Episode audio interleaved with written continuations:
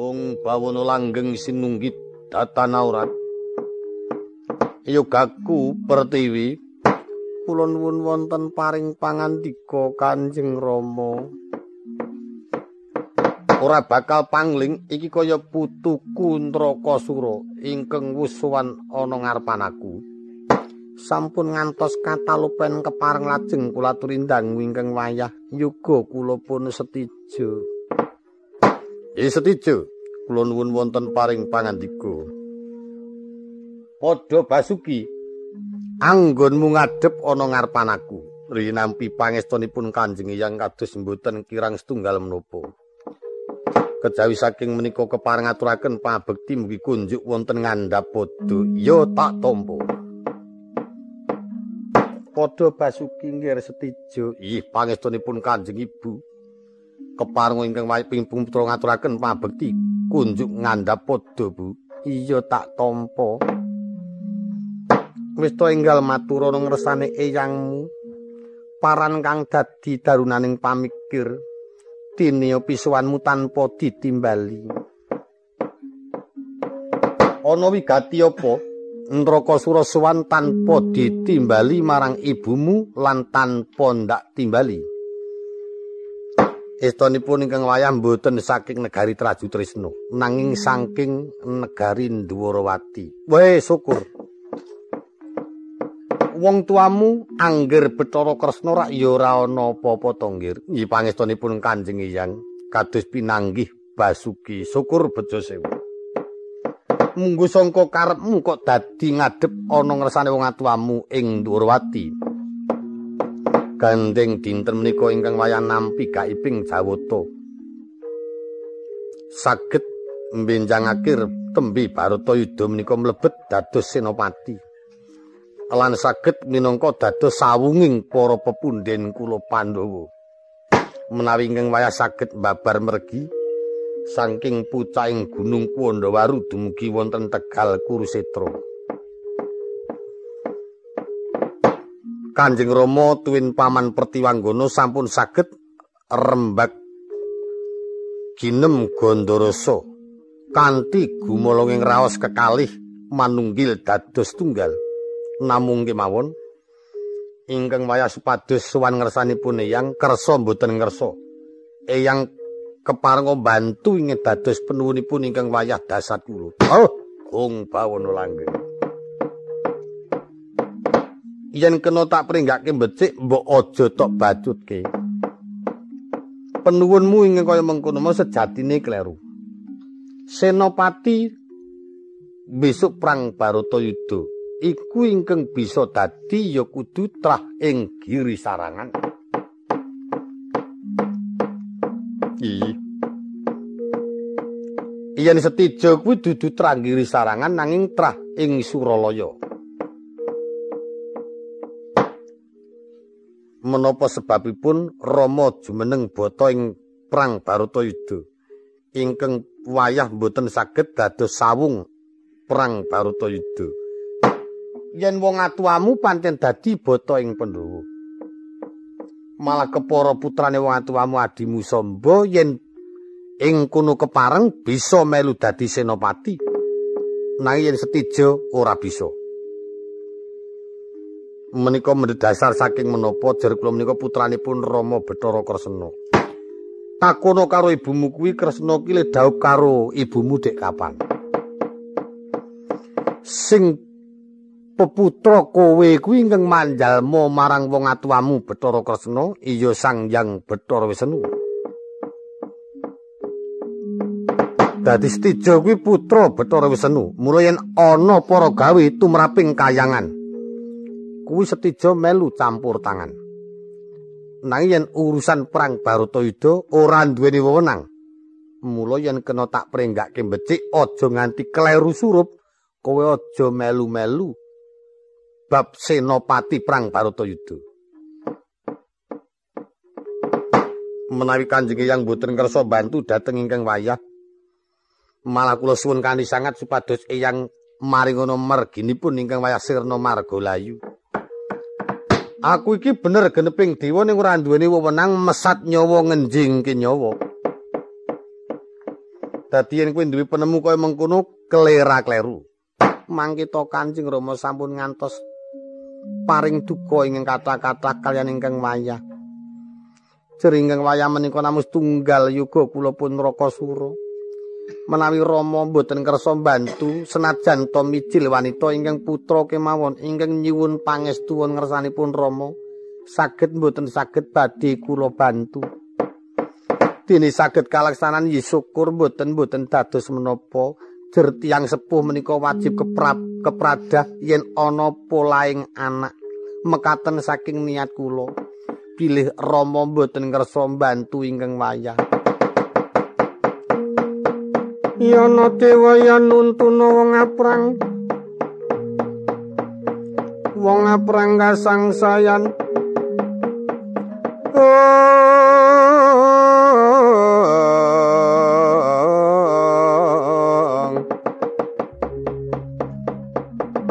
Tinon saking puncing gunung sumorot lir pamoring bawono Pertiwi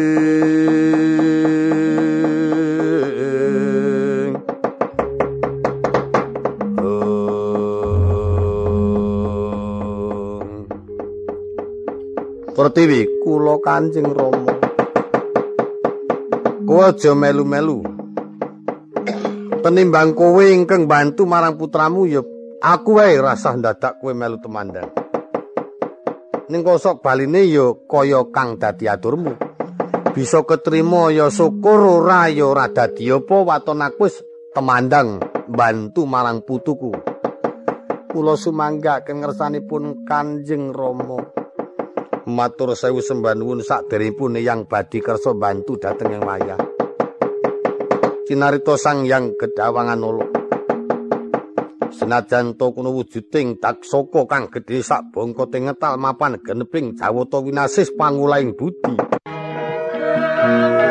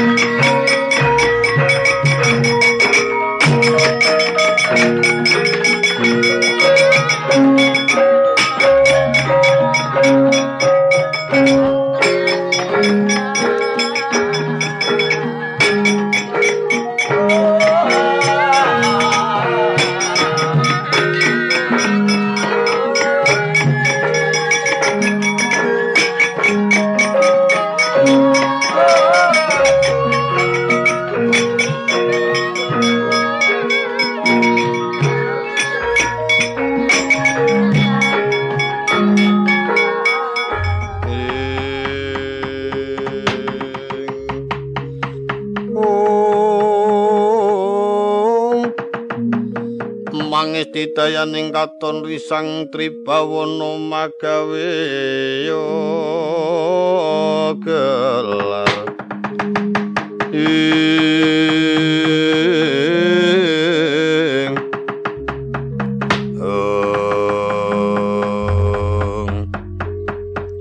Dino Dewi Pertiwi.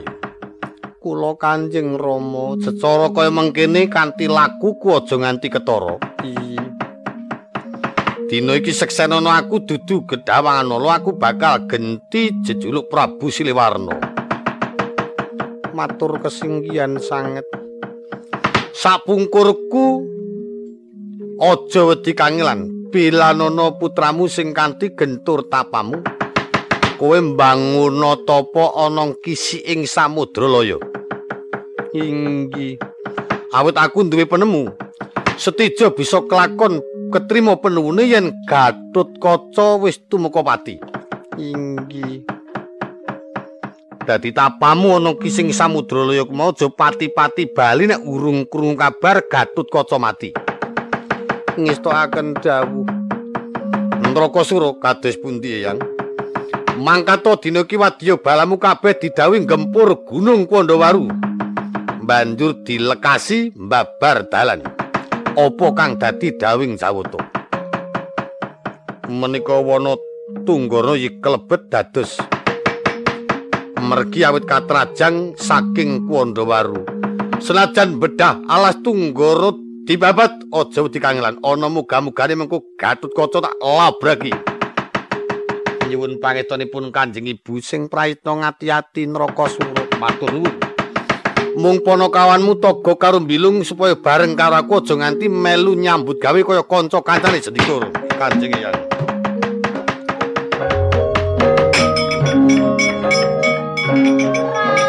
tata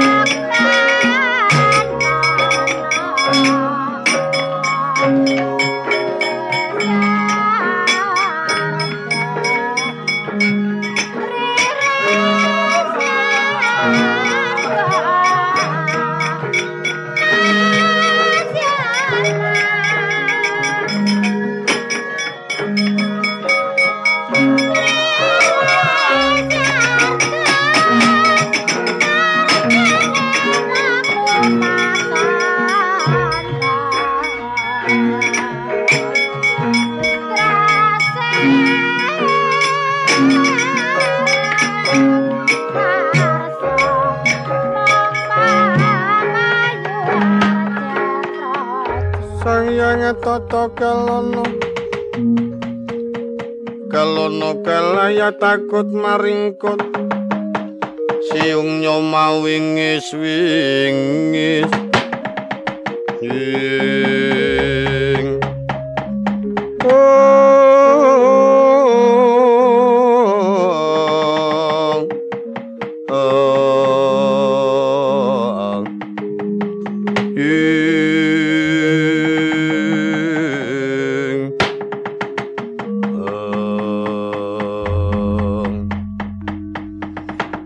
dhateng ngabdi pun pancat nyono wonten dawuh kados pundi Dewadi. Dina iki ngemban dawuh sangka pepunden kuwi yang Gedhawanala. Eyang wis tanggung jawab kabeh para wadyabala supaya temandang nyambut gawe. Sangka pucahing Gunung Kuwandawaru tekan alas Tegal Kurusetra. Woe la la. ngestokaken dawuh sawentara buta-buta didhawuhi gempur gunung. Ingkang sagulungan didhawuhi babat alas tunggarana. Yen ana muga-mugane nganti ketemu karo Gatutkaca aja melu-melu. Malah saka penuwunku sapa wae sing mlebu ana alas tunggarana yen isih magepuan karo Gatutkaca kudu tok pateni. Wah nyuwun pangestunipun Kanjeng Dewati sing ati-ati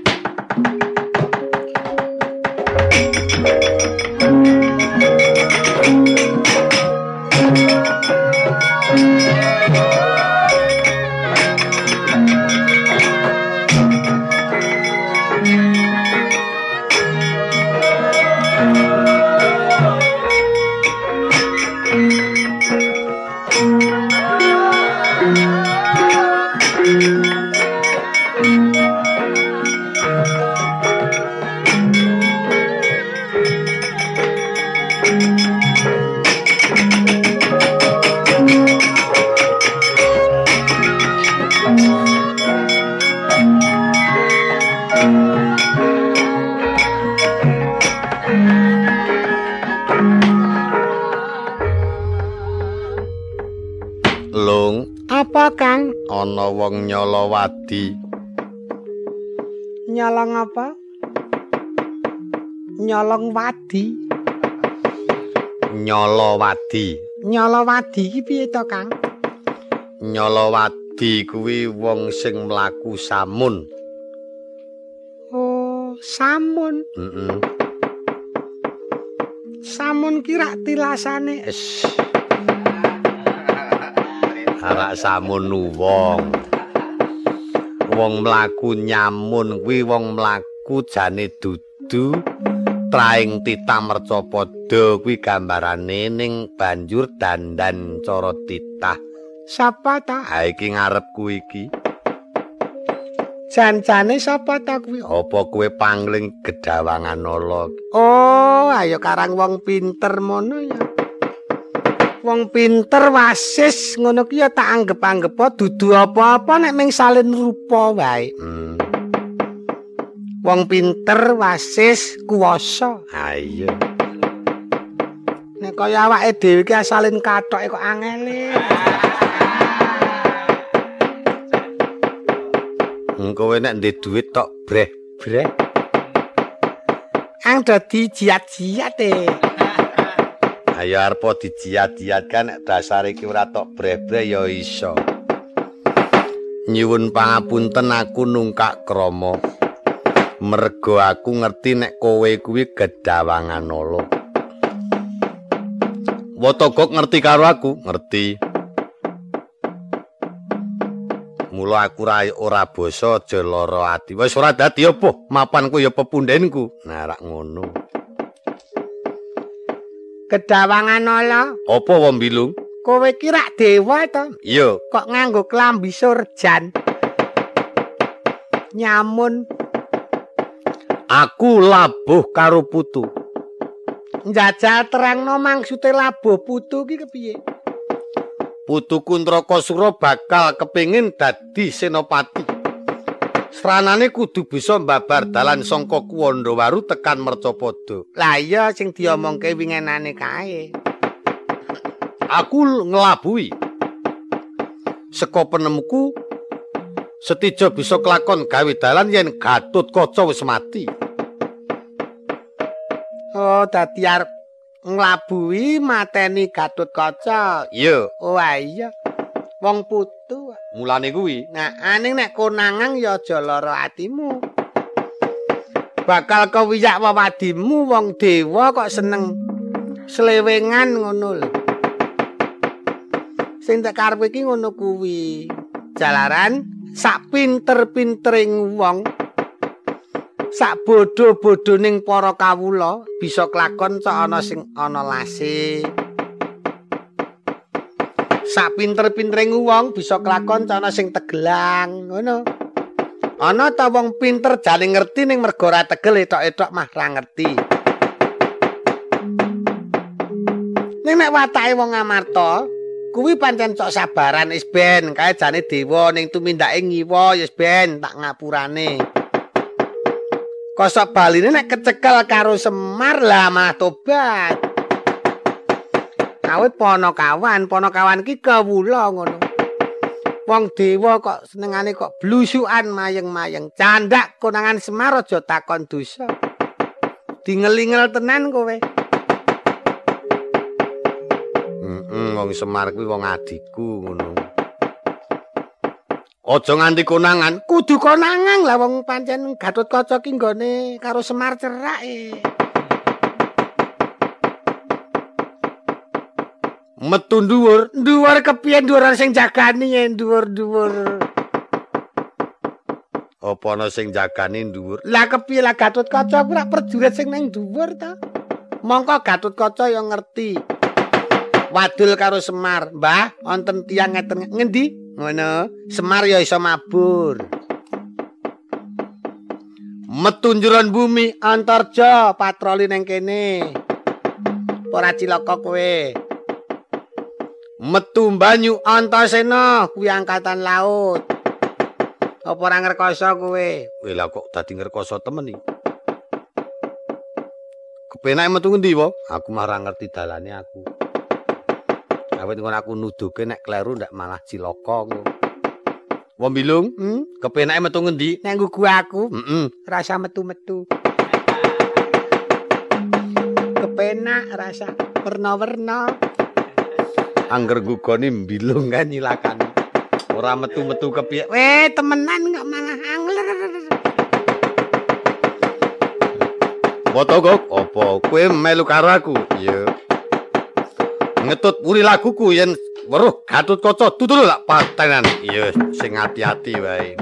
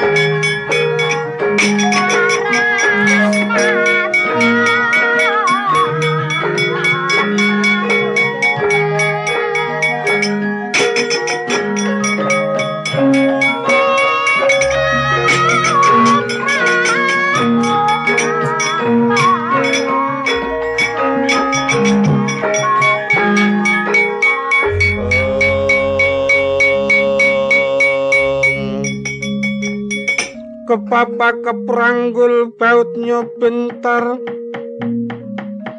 Mawasori sang suronggong koro mangsa.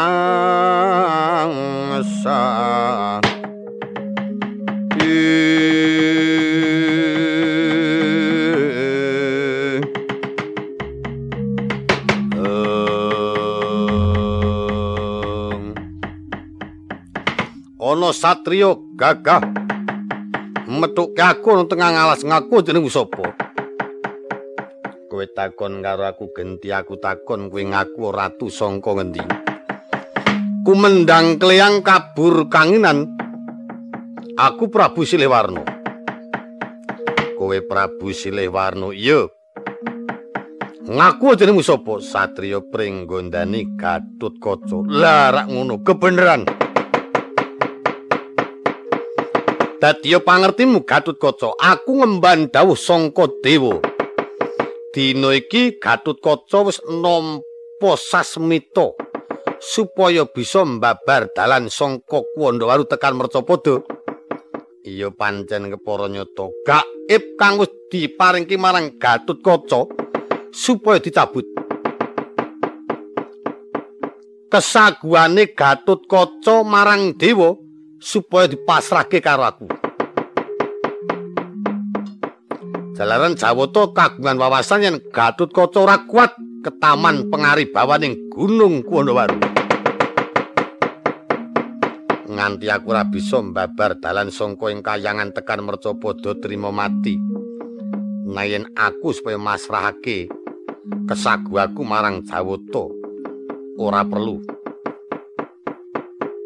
watak kesumotrima tega karo patine tenimbang masrake marang tanggung jawabing satriya. Lah nek pancen wis duwe antep kaya mengkono, Jawata wis pasrah karo aku. Nek Gatut Kaca kuat tak jajal kadik dayamu. Dibacutake kena. Nanging yen Gatut Kaca tak coba ora kuat, ora kena bacut.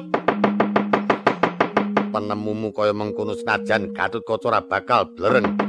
Dulu marang wujudmu tebak ambrol dadamu botol gulumu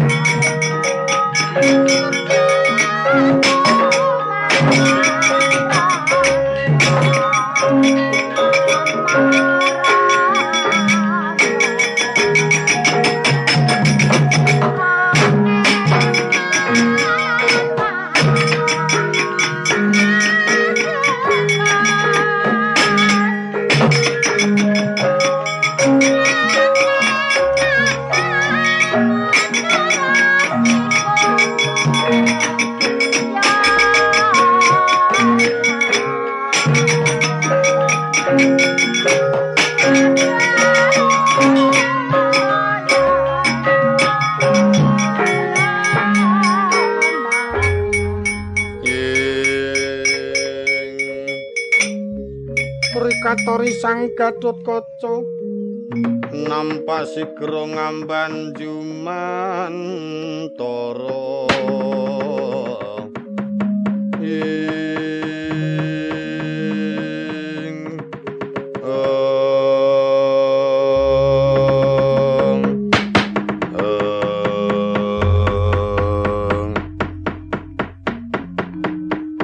Putuku ngger Gatut Kaca ana apa larut cayamu bindi tinggalmu?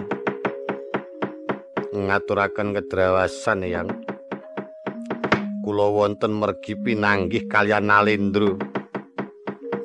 Ingkang jejulukipun Prabu Silih Warna nanging ratu menika tanpa dongko tanpa papan. Silih Warna jenenge Tri la karepe? Wasipun nggagalaken penuwun kula lan gagalaken kesagan kula kayan Jawata. Badhe mbabar mergi saking kayangan Kondowaru supados kula masraken kesagan kula lan piyambakipun nampi dawuh padut njabut gaib ing sampun kula tampi. Ora ana gaib kok jabut-jabutan ki ora ana kuwi ming genah saka ning angkara murka.